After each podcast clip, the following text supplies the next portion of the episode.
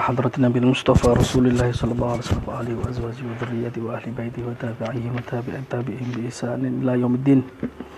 وخصوصا مشايخنا بالأشهر الشريف وجميع أولياء في هذه الديار المصرية.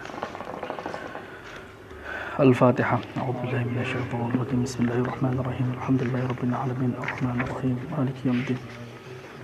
إياك نعبد وإياك نستعين. اهدنا الصراط المستقيم. صراط الذين أنعمت عليهم غير المغضوب عليهم ولا الضالين Bismillahirrahmanirrahim. Eh,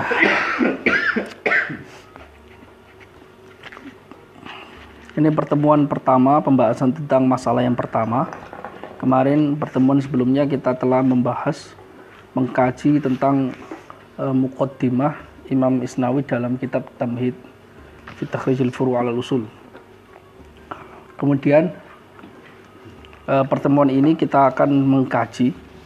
Saya saya menekankan di sini ini kajian karena itu nanti bisa sharing ya. Nanti kita gantian seperti yang kita tugaskan pada pertemuan berikutnya. Ada tugas-tugasnya.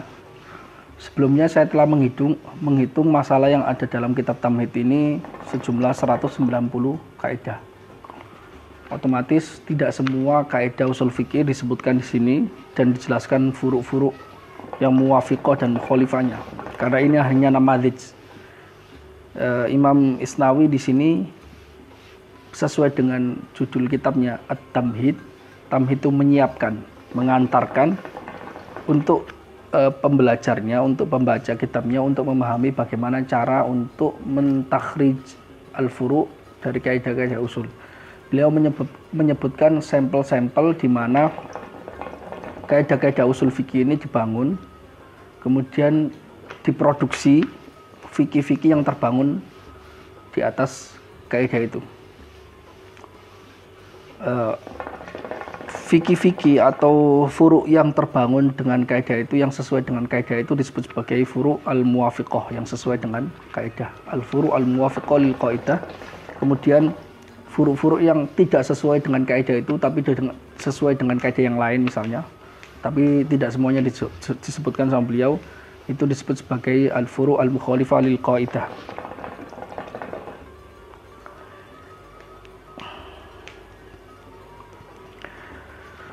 Urutan kaidah dalam kaidah usul fikih dalam kitab ini itu ikut urutannya Imam Al-Baidawi. Karena Imam Isnawi memiliki syarah terhadap matan Minhajul Usul karya Imam Baidawi. Syarah itu disebut Nihayatul Usul.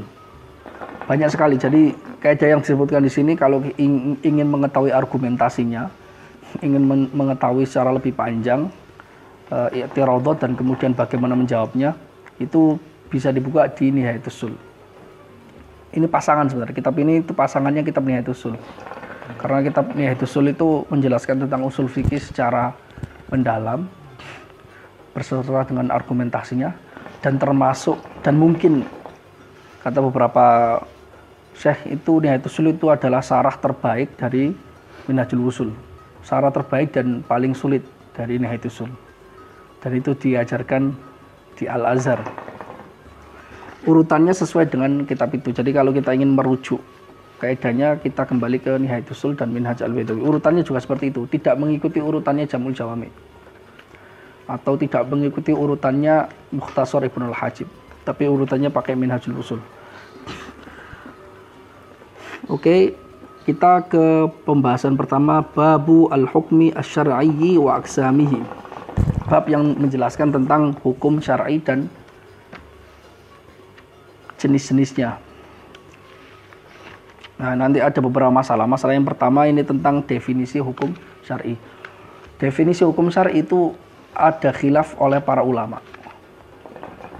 Dalam Minhajul Usul yang disebut sebagai hukum syar'i itu hanya hukum taklifi saja. Lima itu. Haram, mubah, makruh, sunnah, dan wajib. Sedangkan dalam Mukhtasar Ibnu Hajib ditambahi dengan al-wadhu. Nanti dijelaskan sedikit di sini.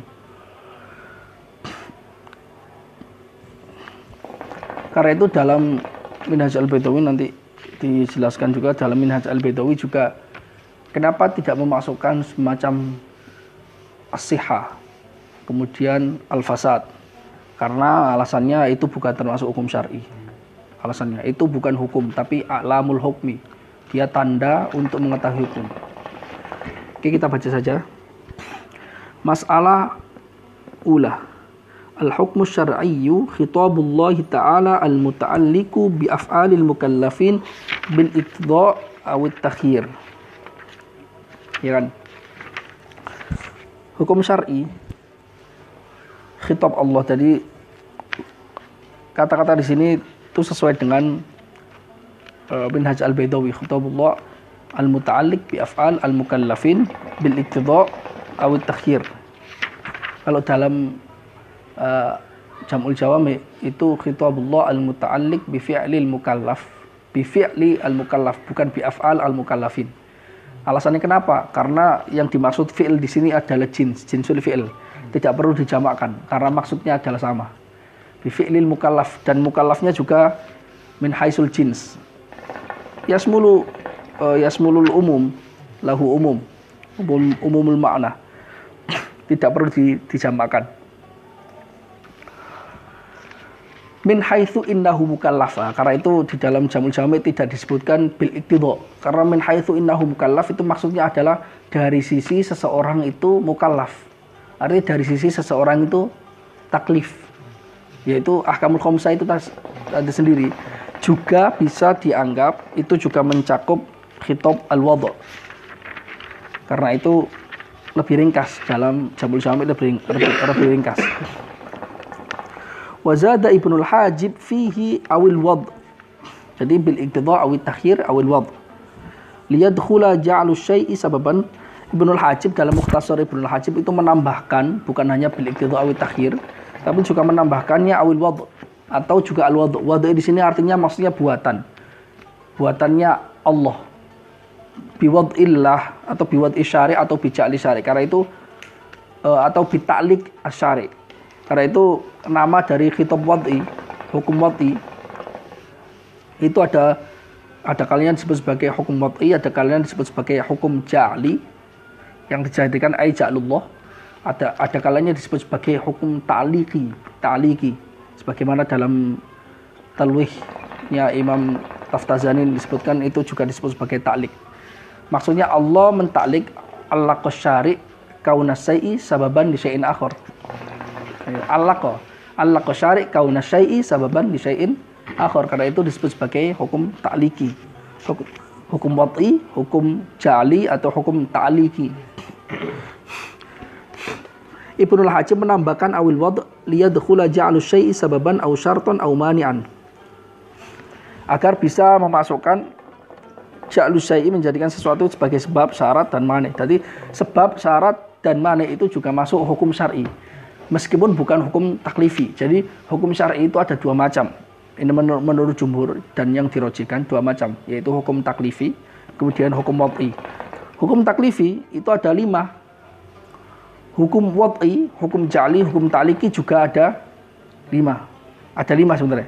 Sababan au syarton au marian au au fasida. Ada lima. Di sini hanya disambutkan tiga. Sababan au syarton au marian. Ada lagi asihah wal fasad. Itu juga ay ja'lu syai'i sahihan wa ja'lu syai'i fasidan.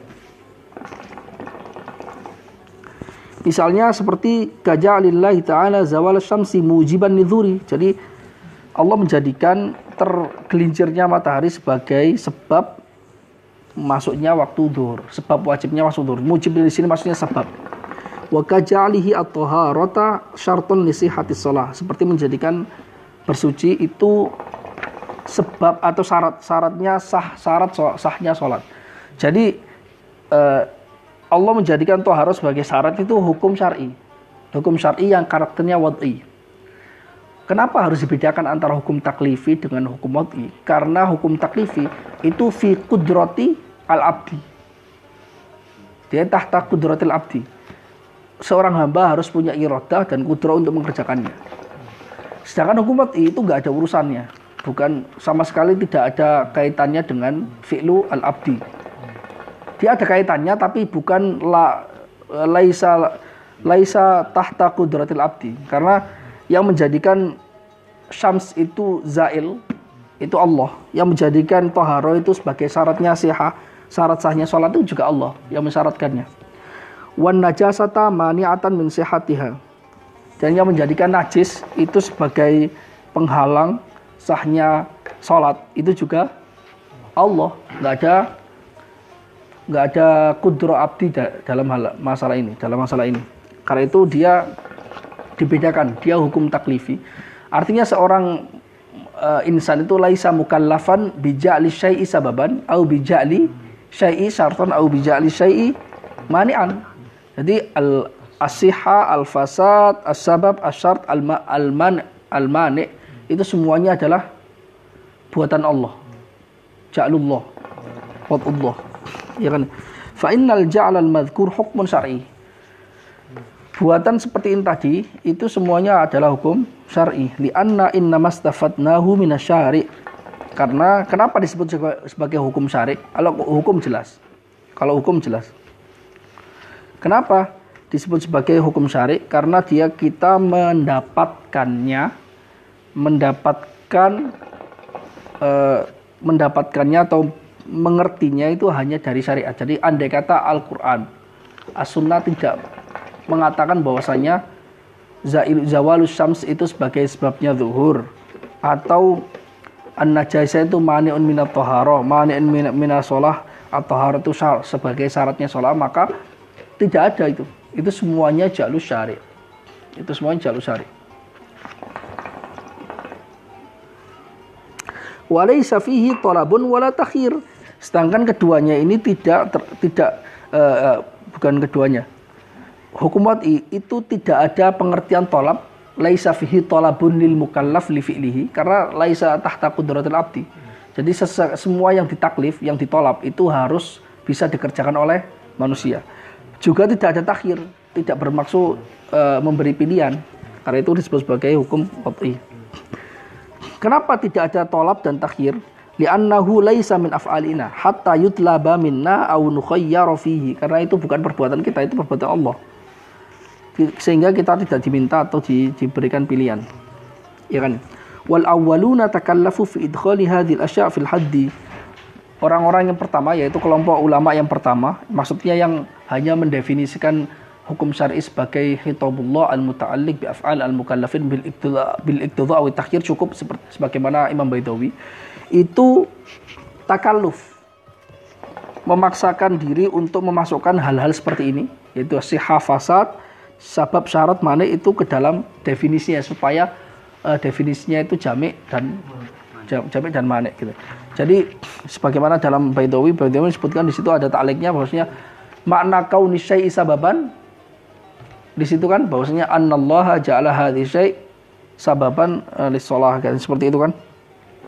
Jadi Imam Baidawi dalam mananya la nusallim annal mujibiyya wal maniyya minal ahkam. Ah, pertama itu Enggak, ini ini yang pertama, yang taslim, yang yang dia tidak taslim. Yang kedua, takallufnya itu bukan yang uh, argumentasi pertama. Takallufnya fi idkhali hadil asya fil hadid itu yang jawaban keduanya Imam Baidawi. Ya kan ya? Yang bahwasanya yang dimaksud dari uh, kaunis syai'i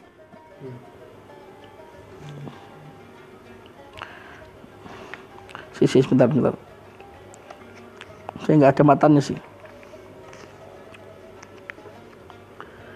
Jadi di sini jadi takallafu takallafu fi idkhali hadhil asya itu maksudnya adalah annal mujibiyah wal maniyah bi makna iktidha'il fi'li wa tarkilahuma dakhilan fi ta'rif fi ta'rifil hukmi. Jadi maksudnya adalah jadi maksud dari uh, maksud dari kaunu syai'i sababan bahwasanya ada iktidha'ul fi'li itu katanya Imam Al Baidawi bahwasanya e, sholat itu tidak akan bisa tidak akan bisa dilakukan tanpa e, ada ta, tanpa ada tanda tanpa ada tanpa ada zawalus syams misalnya sholat zuhur seperti itu Bentar.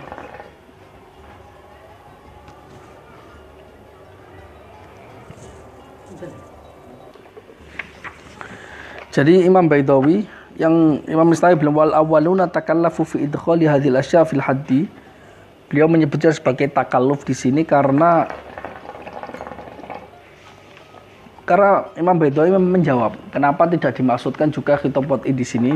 Alasannya Imam Baidawi karena pertama beliau tidak menganggap bahwasanya asiha al-fasad al-mani al asbab dan syarat itu sebagai hukum syar'i. Dia hanya alamul hukmi. La nusallim ya kan? Yaitu alam. Karena alamul hukmi sebagai tanda. Karena maknanya adalah Allah memberikan tanda kepada seorang mukallaf bahwasanya ketika zawalus syams ini sudah masuk waktunya zuhur. Kayak gitu. Itu alasannya alasan pertama. Karena itu alasan pertama. Alasan kedua andai kata itu dianggap sebagai hukum pun itu sebenarnya takrif kita yang bil iktidawi takhir itu sudah masuk sudah jamik kenapa karena makna dari al asbab asar al malik dan sebagainya itu maknanya bahasa iktidaul fi'li wa tarki saja. Maksudnya makna kauni kauni zawali sababan li maksudnya adalah maknahu tolabu tolabu sholah. Maknanya seperti itu. Itu alasannya. Kenapa tidak kenapa tidak dimaksudkan? Tapi oleh para ulama dianggap itu takaluf, takaluf. itu takaluf oke kita tidak berpanjang lebar dalam masalah uh, argumentasi dan uh, sebagainya dalam masalah kawaid usuliyahnya di sini karena yang kita ambil di sini adalah furuknya, takhrijul furuk, bagaimana mendefinisikannya. Uh, mentakhrij, mempro, memproduksi furuk-furuk yang ada dalam fikih ini memproduksi furuk-furuk dari usul fikih. Jadi kita mengambil kaidah usuliyah yang disebutkan di sini sebagai kawaid musallamah bighaddin nazar an wuqu'il ikhtilaf fi hadhil mas'alah ya kan idza alimta dzalika famin furu'i kaunil hukmi syar'i la budda min ta'alluqihi bil mukallafin jika kamu telah mengetahui hal ini maka di antara furu' hukum syar'i itu harus punya kaitan dengan mukallaf yaitu khitabullah al muta'alliq. Kaitannya harus ta'alluq. Syarat sebagai hukum syar'i adalah dia ta'alluq bil mukallafin sebagaimana disebutkan itu ada furu-furu yang dibangun dari uh, yang diproduksi dari kaidah ini. Yang pertama idza wata'a asyubha. Inna wat asyubhatil qa'imati bil fa'il.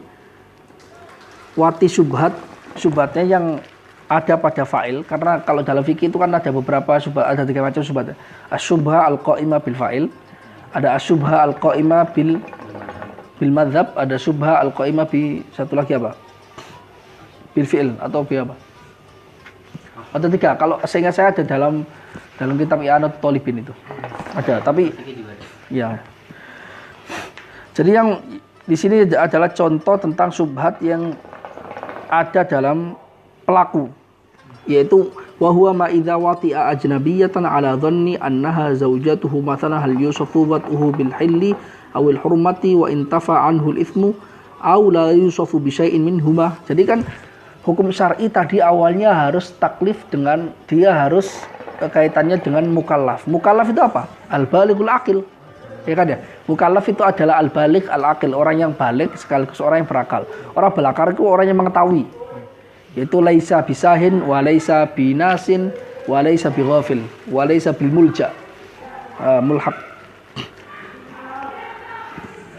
yaitu seseorang jika mengumpuli seorang lain, orang lain selain istrinya dengan dugaan dia itu istrinya.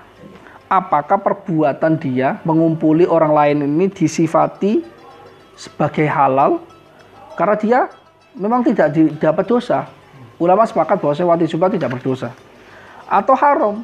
Ulama sepakat bahwa surahnya ini surahnya surah yang haram Wa intafa'anhu itsm. Nah, ini mahal ijma'nya. Mahal ijma'nya dalam bahwasanya wati subah itu haram. Eh, haram eh wati subah itu tidak ada dosanya. Aula yusafu bisyai'in minhuma atau tidak disifati dengan keduanya. Berarti kan hukum taklifi itu kan ada lima. Haram, mubah, makruh, sunnah, sunnah, uh, wajib. Nah, ada kemungkinan ya kan ini tidak masuk kedua ke, tidak masuk semuanya wa fihi satu aujuh asoh huwa asalif Ya kan?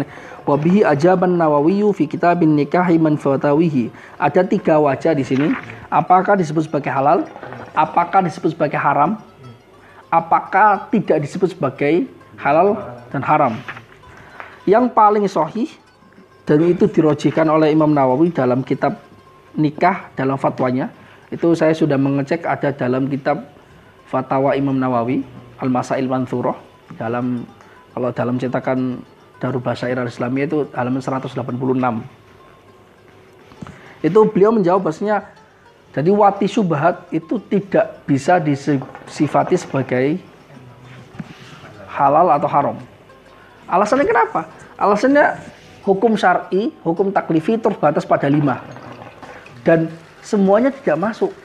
Wati subhat itu nggak bisa disebut sebagai wajib, nggak bisa disebut sebagai sunnah, nggak bisa disebut sebagai haram, juga nggak bisa disebut makruh, juga nggak bisa disebut sebagai mubah. Karena itu dia la yusofu bil hilli wal hurmah. Ya kan ya? Berarti kaitannya ini berarti dia adalah furu yang muafiqah lil qaidah.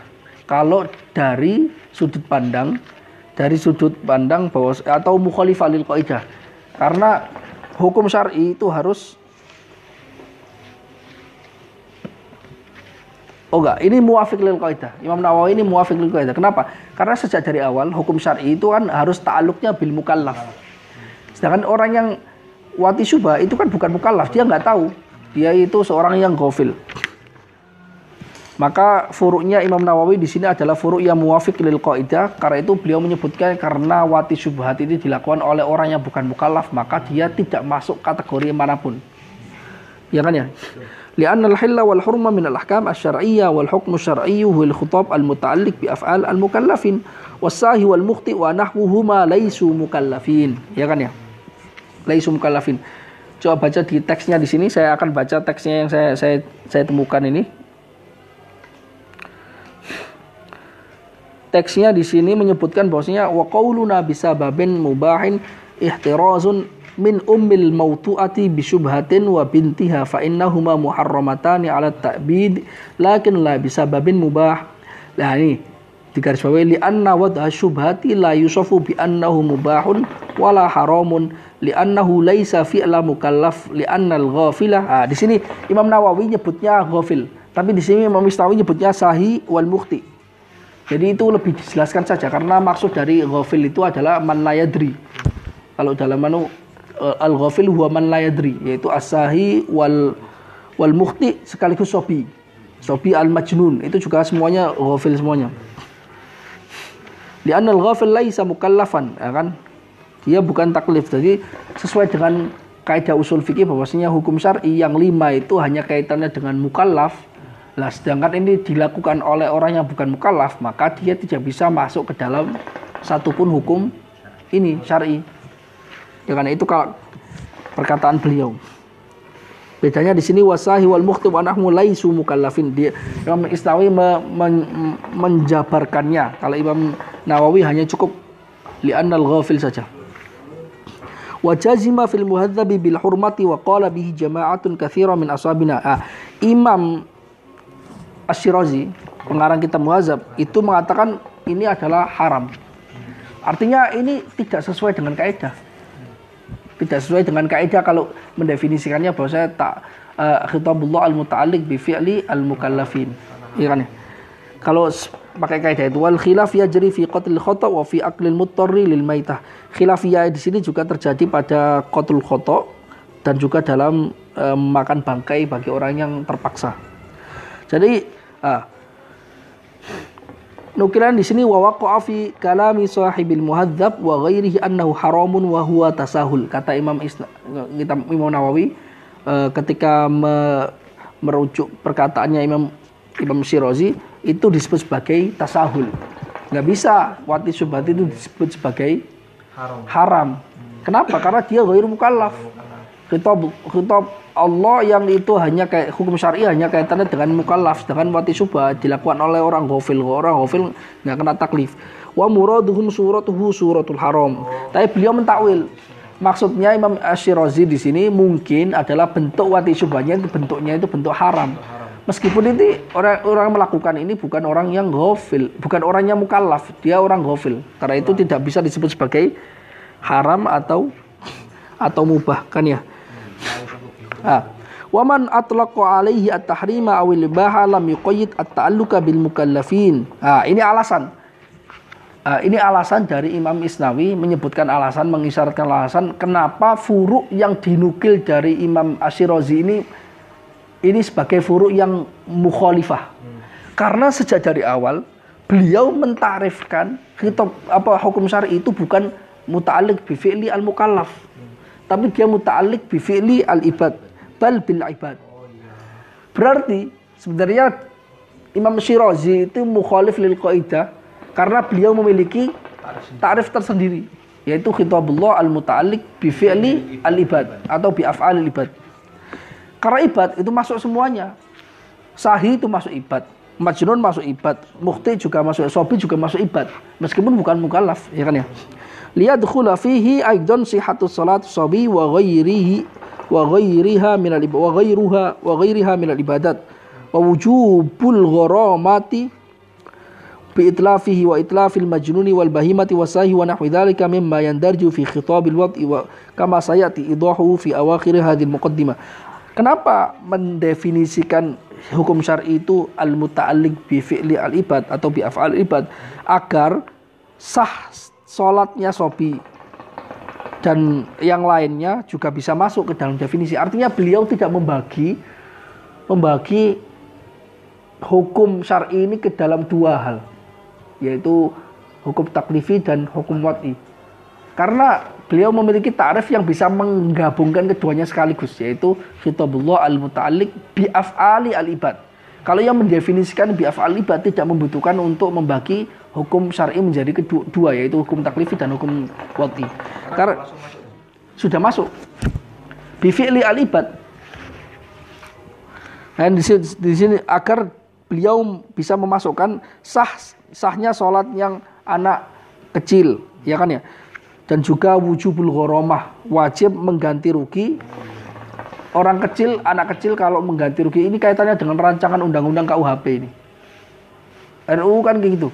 Ada kaitannya. Ada hewan masuk ke pekarangan lain ya kan ya?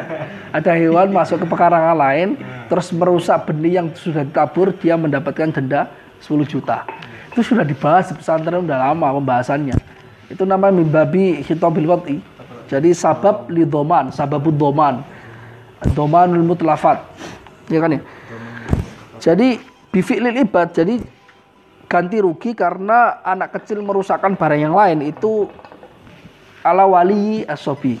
Ditanggung oleh wali sobinya. Atau anak orang gila merusakkan barangnya nanggung juga walinya. Bahima juga demikian hewan. Seperti itu. Ini kitab ini membahas tentang rancangan undang-undang ini. Rancangan undang-undang KUHP.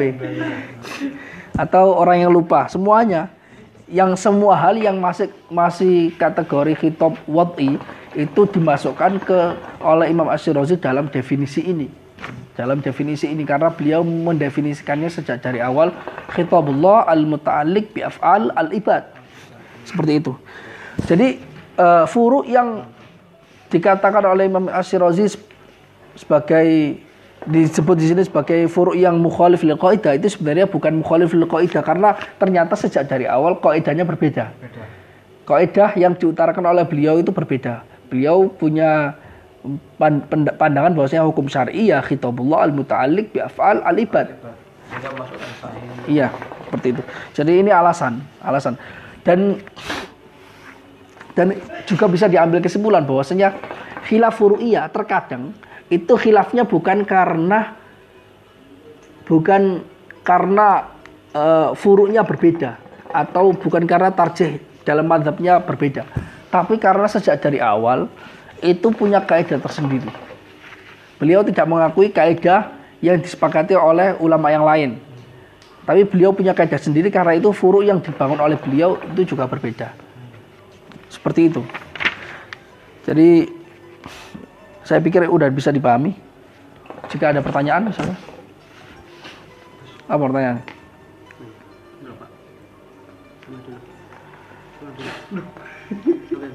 kan udah rancangan dari tadi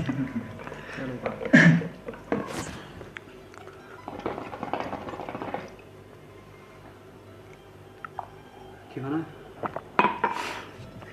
Kalau ada pertanyaan silakan. sampai dulu Eh, ini tadi masalah toharoh itu ya tadi dikatakan kalau toharoh itu bukan min afal mukallafin Hmm, syarat.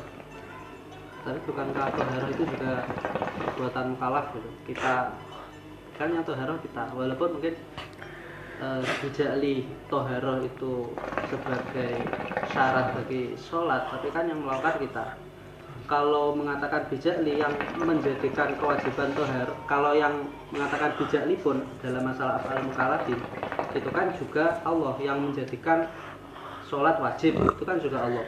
Kalau yang menjadikan toharoh sebagai syarat itu juga Allah. Kalau memandang bahwa itu e, min af'alil bukan min af'alil mukallafin tapi kalau memandang kalau seharusnya kan toharoh itu juga min af'alil mukallafin juga itu kalau yang masalah ke- kalau yang masalah zawalul samsi oke karena zawalul samsi bukan e, kita yang melakukan tapi kalau yang toharoh itu kan kita yang melakukan berarti dari sini khitabul wati itu juga bisa dilakukan oleh ibad oleh mukallaf juga Iya ya. Itu pertanyaan tak pertanyaan menarik dan saya seingat saya juga ada yang menanyakan hal itu ketika dulu pas pelajaran ini. Jadi sebenarnya yang di- dilihat di sini adalah sudut pandang. Ini sudut pandangnya berbeda. Yang kenapa toharo kalau melihat toharo itu sebagai syarat maka dia bukan afal mukallafin. Oh enggak. Kalau dilihat toharo itu sebagai syaratnya sholat, maka dia bukan afal mukallafin. Kenapa bukan afal mukallaf? Yang menjadikan toharo ini sebagai syaratnya sholat itu bukan mukallaf. Man ja'ala atau harta sababan atau syarton lis sholah laisa mukallaf. Itu Allah. Karena dari sudut pandang ja'lunya, ja'lnya itu toharo itu bukan fi'il mukallaf. Tapi kalau dari sudut pandang amaliyahnya toharo itu fi'il mukallaf itu fi'il mukallaf. Jadi toharo itu wajibah. Kenapa toharo? Nah, itu juga alasan kenapa toharo disifati sebagai wajibah, wajib. Itu karena dia adalah mukallaf. dari sudut pandang amalia Dari sudut pandang di dalamnya itu mukallaf. Tapi dari sudut pandang toharo itu dijadikan, ya kan, dijadikan sebagai syarat. Sholat itu bukan eh, bukan afal mukallaf. Seperti itu ya. Karena yang disi, maksud di sini adalah syaratnya. Syartiyatu atau haro sholat laisa fi'lal mukallaf. Sababiyatu ad-duluk sholat liwujubi sholat laisa fi'lal mukallaf. Ya kan ya? Seperti apalagi mani'iyatu an-najasah sholat laisat Min af'alil mukallafin. Mana iyahnya ya? Mani'iyahnya. Kalau najisnya juga ada, misalnya kan dalam fikih juga disebutkan, apakah menghilangkan najis itu wajib atau tidak? Wajib jawabannya. Menghilangkan najis pada badan-badannya mau sholat itu wajib kan? Berarti dia itu fi'lul mukallaf, menghilangkan najisnya itu. Tapi penyebutan hal ini sebagai najis, eh, penyebutan najis ini sebagai menghalangi sholat itu bukan fi'lul mukallaf. Enggak? Itu asal fi'lullah. Iya, kan? Jadi itu pertanyaan menarik karena satu hal itu bisa dilihat dari dua sisi. Jihadnya jihad munfakah. Karena itu pertanyaannya tadi itu pertanyaan menarik karena kalau kita menganggap bahwasanya itu bukan fi'il mukallaf, maka toharo itu ter- sebenarnya justru terjadi paradoks. Kalau dalam arti kan terjadi paradoks. Kamu mengatakan ini fi'il mukallaf, tapi toharo itu fi'il mukallaf. Ya kan ya? Berarti terjadi paradoks. Enggak, enggak ter- syaratnya supaya tidak terjadi paradoks kan al jihadnya harus mufakkah kan? Nah, ternyata jihadnya di sini mufakkah. Jihadnya jihad eh, jihad yang pertama yaitu bi'tibar bi'tibar syartiyatihi Bi'tibar syartiyati at-tahara li shalah annahu laisa min fi'il mukallaf. Ya kan ya? Tapi bi'tibar annal mukallaf lazimahu at-tahara dan itu dia huwa min fi'li al-mukallaf. Dari situ. Jadi pertanyaan tadi itu pertanyaan tentang ilzam bitanakut. ilzam. Ilzam ta'rif bitanakut. Ilzam ini ilzam. Kalau mengatakan ini bukan fi'il mukallaf, ini kok terjadi eh, ada tuharo itu fi'il mukallaf juga. yang melakukan mukallaf, iya kan ya? Oh ternyata cara menjawabnya dengan cara bi, bi eh, bin nazar ila annal jihad mufakkah. Melihat bahwasanya jihadnya itu berbeda. Jadi pertanyaan menarik. Ada lagi pertanyaan yang lain?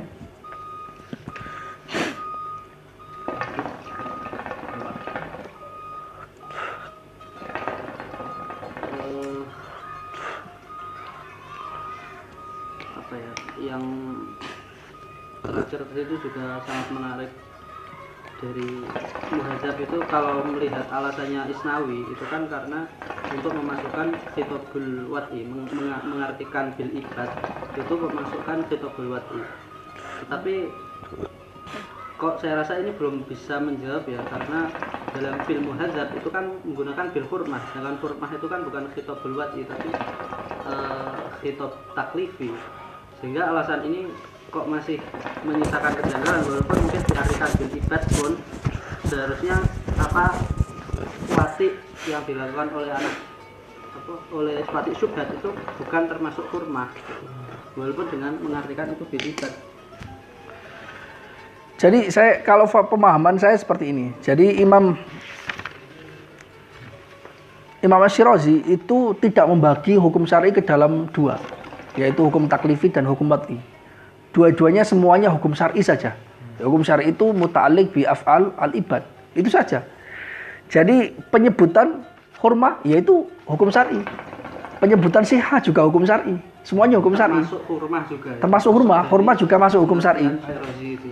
Taklif wati juga termasuk hukum syar'i. Iya, menurut eh, taklif yang bukan taklif wat'i, hukum wat'i. Kalau taklif beda. Hukum wat'i juga masuk ke hukum syar'i. Gitu loh. Semuanya semuanya sepakat itu masuk hukum syar'i dan eh, bedanya Imam Asyirazi tidak membagi hukum syar'i ke dalam dua. Ke dalam dua hal yaitu hukum taklifi dan hukum wat'i. Tapi beliau memasukkan semuanya itu ya hukum syar'i saja. Tidak ada pembagian antara hukum taklifi dan hukum wat'i. Itu saja dan dan itu yang dipahami oleh Imam Isnawi di sini saya memahaminya seperti itu. Jadi kenapa al muta'alliq bi af'al ibad? Ta'alluqnya di sini ta'alluq yang bil a'am. Ta'alluqnya ada ta'alluq yang langsung yaitu dilakukan oleh mukallaf, ya kan? Itu isyarat dalam wahidul usulnya al au bil a'ammi wat'an al muta'alliq bil a'ammi wat'an kan khitabullah al muta'alliq bi fi'lin mukallaf bil iqtida' wa takhir au bil a'am wat'an kalau dalam eh, lubul usulnya. Jadi wat'inya itu sebenarnya bukan benar-benar muta'alik bi fi'lin mukallaf. Tapi dia lebih umum dari fi'lin mukallaf. Lebih umum dari fi'lin mukallaf. Ada kaitannya dengan fi- fi'lin mukallaf. Tapi dia lebih umum. Tidak secara langsung.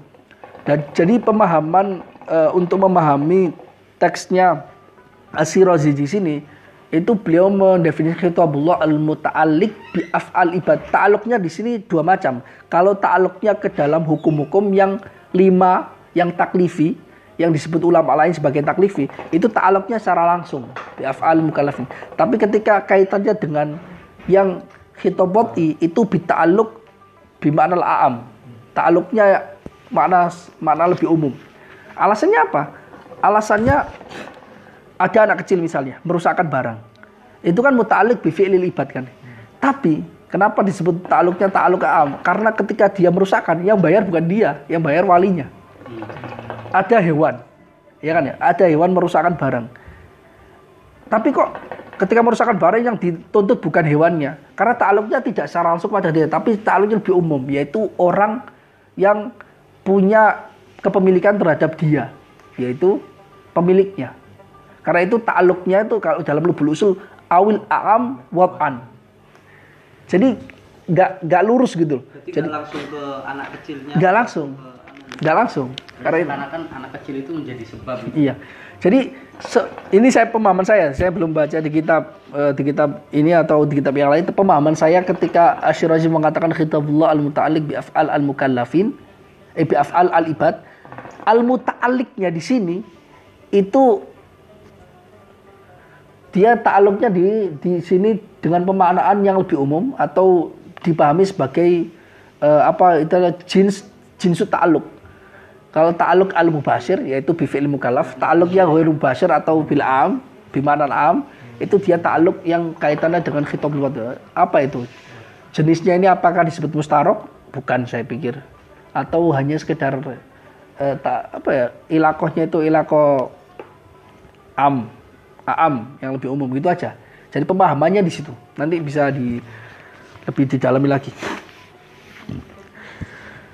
Itu kaitannya dengan usul fikih. Itu kaitan, itu mungkin ada penjelasan lebih dalam itu ada kitab seingat saya ada kitab Talwih. Di dalam kitab At-Talwih karya Ataf Tazani mungkin eh, kalau enggak kalau ada kesempatan nanti pertemuan berikutnya nanti akan saya jelaskan kenapa eh, seperti itu. Tapi saya juga masih mencari sebenarnya. Apakah benar ngecek ini ngecek? Apakah benar Asy-Razi itu mendefinisikannya seperti ini? Bi af'al ibad. Ada kitab uh, Aluma enggak di sini? Ada. Ya, coba cari. Luma dan kalau nggak ada Syarah Luma. Itu kan Syirazi kan sama. Nafsul Mu'allif. Al-Mak Muhadzab. Ya Luma Muhadzab, Syarah Syarah Luma juga ada. Ad- Beliau menyarai mensarai sendiri. Apakah demikian gitu loh? Jadi kalau demikian berarti ini khilafiyah furuknya. Kalau memang benar khitabullah al-muta'alik bi af'ali berarti khilafiyah furuknya itu khilafnya itu terjadi sebelum masuk ke fikih. Dia di usulnya sudah khilaf, tahu nggak? Iya, iya. Jadi sejak dari usulnya itu khilaf karena itu furuknya berbeda. Saya kemarin sempat ngecek di Aluma, tapi saya nggak nemukan takrif hukum syar'i gitu loh. Jangan-jangan memang beliau tidak mentakrifkannya. Bentar-bentar kita lihat di sini wal ahkam syar'iyyah hiyal wajib wan nadab wal mubah wal mahdhur wal makruh was sahih wal batil. Benar. Benar berarti. Langsung beliau langsung mende- ketika mendefinisikan hukum syar'i wal ahkam asyar'iyyah hiyal wajib wan nadab wal mubah wal mahdhur wal makruh was sahih wal batil. Tidak mendefinisikannya hukum syar'i itu khitabullah al muta'alliq bi af'al al mukallafin enggak ada di sini definisinya. Seingat saya emang enggak ada bener. Ya kan ya? Langsung tapi langsung disebutkan. Iya, tapi langsung langsung ditarifnya di sini. Bahwa hukum syar'i itu langsung wajib, sunnah, mubah, mahdur, makruh, sohih dan batil langsung. Dan ada penambahannya, jadi beliau menyebutnya hanya tujuh di sini. Jadi beliau tidak membedakan seperti pemahaman saya. Beliau tidak membedakan, tidak menganggap bahwasanya ahkam syariah itu terbagi menjadi hakam taklifi dan hakam wat'i. Langsung hukum syariah, langsung semuanya itu. Ketika mendefinisikan as-sahih di mata Allah bihi an-nufuz, langsung kan? Langsung kan? Wahasola bil maksud seperti itu. Jadi kayak sabab syarat itu apa langsung otomatis masuk di dalam Masuk, tapi di sini beliau nggak nggak menyebutkannya. Mungkin ada di syarahnya. Iya kan ya? Iya benar. Berarti benar. Tapi beliau ketika menyebutkan ulama yang tidak menyebutkannya sebagai memasukkan ini, nah, Imam Istawi kan menyebutkan gini, gini gimana ya? Menyebutkannya Waman atlaqa alaihi tahrim wal ibaha, orang ulama yang menyebutnya sebagai haram dan mubah, itu lam yuqayyid at-ta'alluq bil mukallafin bal bil ibad. Ah, mentakyidnya itu apakah mendefinisikannya demikian secara jelas atau definisinya bisa dipahami dari penjelasannya. Seperti kalau di sini beliau tidak mendefinisikan khitabullah al-muta'alliq bi af'al ibad, tapi seperti itu saja. Jadi ketika beliau menjelaskan wal ahkam syariah hil wajib wal nadab wal mubah wal mahdhur wal was sahih wal batil itu saja. Jadi bisa dipahami bahwasanya ini maksudnya adalah kitabullah tidak membedakan itu saja.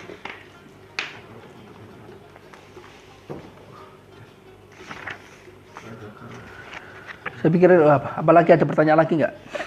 Atau nanti sa- sambil saya cari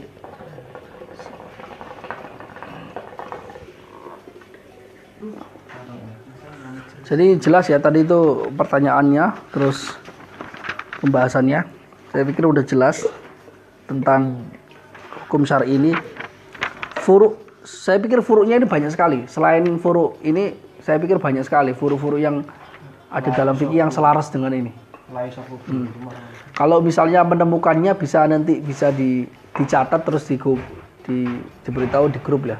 Nanti bisa digabungkan. Saya saya saya saya kepikiran kalau eh, selain eh, mencari referensi di sini nanti mungkin kalau bisa kita terjemahkan. Buku ini diterjemahkan referensi-referensi yang yang aslinya dari mana kita juga sebutkan di sana. Jadi semacam pengkajian. Nanti hasil terjemahnya bukan terjemah lafzi saja tapi juga pengkajiannya. Nanti ditambahi dengan mukodimah tentang sekilas tentang ilmu takhrijul furu ala usul. Kemudian dari situ nanti kita juga pelacakan-pelacakannya di situ disebutkan. Kalau bisa itu eh, luar biasa, luar biasa menarik itu. untuk menemukan furuk-furuk yang sama itu kadang mungkin enggak antara soalnya di sana disebutkan ini berangkat dari usul yang demikian ya. Iya memang. Nanti langsung hukumnya gitu. Iya iya. Ya kan? Emang.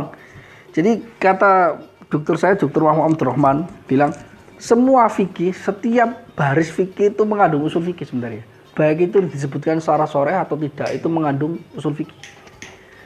Terkadang disebutkan sore dalam tabir-tabirnya dalam sarah-sarahnya Minhaj, sarah Imam sarahnya cuma lain ada. Karena itu ada beberapa buku dirasa-dirasa magister atau doktoral tentang uh, al-furu apa al-qawaid al-usuliyah fi kitab Mughnil Muhtaj.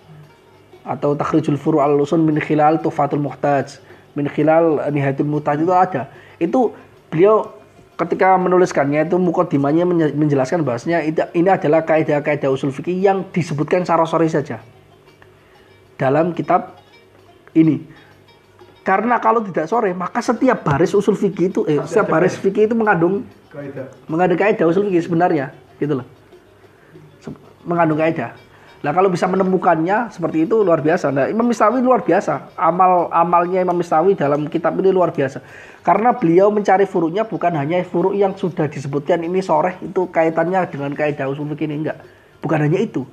Yang tidak sore pun dimasukkan oleh Imam Mistawi. Istimbatnya beliau sendiri. Istimbat, istimbat. Beliau mencari, benar-benar mencari gitu. Karena kalau makanya itu hanya namadij. Kalau nggak namadij bisa jadi bukunya berjilid-jilid ini.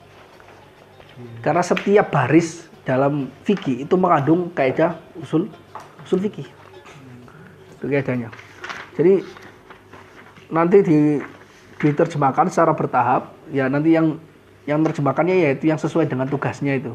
Jadi nanti saya juga menerjemahkan kawan-kawannya mendapatkan tugas setiap masalah itu secara berurutan juga menerjemahkannya.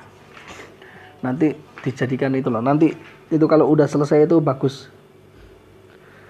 Bisa dibisniskan. Oh iya. untuk keuangannya untuk keuangan LBM juga kan. Betul buku eh, buku Iya. buku rek. Oh, Di Lirboyo dan di Sarang belum anu ya, belum diterjemahkan tambit ya. Pumpung belum diterjemahkan. Soalnya kalau udah diterjemahkan nanti kaplingannya dikapling sama sana deh. Ekonominya dia kapling ke sana. Tapi mendingan maksudnya mendingan kita nambahin furuk yang mendarija atau mau atau kita nambahin kaidah yang di sini yang belum ada tapi ditampilkan itu.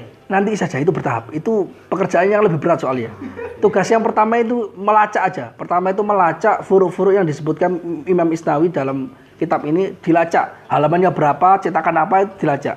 Itu nanti bisa jadi modal. Nanti kalau udah banyak bisa jadi modal menarik. Nanti kalau soal kaidah-kaidah yang nggak disebutkan di sini itu banyak. Itu nanti insya Allah saya saya anu saya saya sebutkan. Oh kaidah ini nggak nyebutkan ini usul fikih ini nggak nyebutkan ini. Nanti saya bantu di situ dalam masalah. Tapi kalau soal furu-furunya nanti kita bareng-bareng. Cuma kaidah kaidahnya di sini hanya 195 artinya masih banyak kaidah yang nggak disebutkan. Iya. Apalagi azhar kasih itu banyak masukan. Dan urutannya kalau pengen melihat urutannya itu pakai urutannya Minhajul Usul itu perlu di perlu diperhatikan ya. Jadi pengen carinya itu urutannya sesuai dengan Minhajul Usul, bukan sesuai dengan Jamul Jawami. Beda beda, beda urutannya. Nanti kalau misalnya bisa menemukan banyak bisa dimasukkan ke dalam buku itu terjemahannya. Tapi kalau emang kesusahan kan susah. Istimbat fikih kita nyari yang nggak soreh yang nggak disebutkan oleh para ulama di dimasukkan itu susah banget itu. Makanya ini Kayak salah doktorannya kurang baca no Pak Mahmudi. Tak- Iya. Tak sir fatwanya. Iya. Saya judulnya kayak gitu modelnya berarti. Itu ada Pak. takhriju takhrij ya itu beliau itu Berarti tadi takhriju al qawaid eh, takhriju al fatawa iz, fatawa Izzuddin ibn Salam al qawaid al usuliyah jadi eh, fatwanya Imam Izzuddin ibn Salam itu kan kadang ada kaidahnya kadang ada enggak disebutkan terus ditakhrijkan seperti itu. Ya memang itu pekerjaannya susah. Jadi kitabnya asli tipis dijadikan dua jilid sarahnya sampai dua jilid itu kan. Karena taksil ya. Taksil. ya taksil. Itu anu jadi istilahnya itu lebih ke aplikasi tatbik tatbik usulin tatbik usuliyah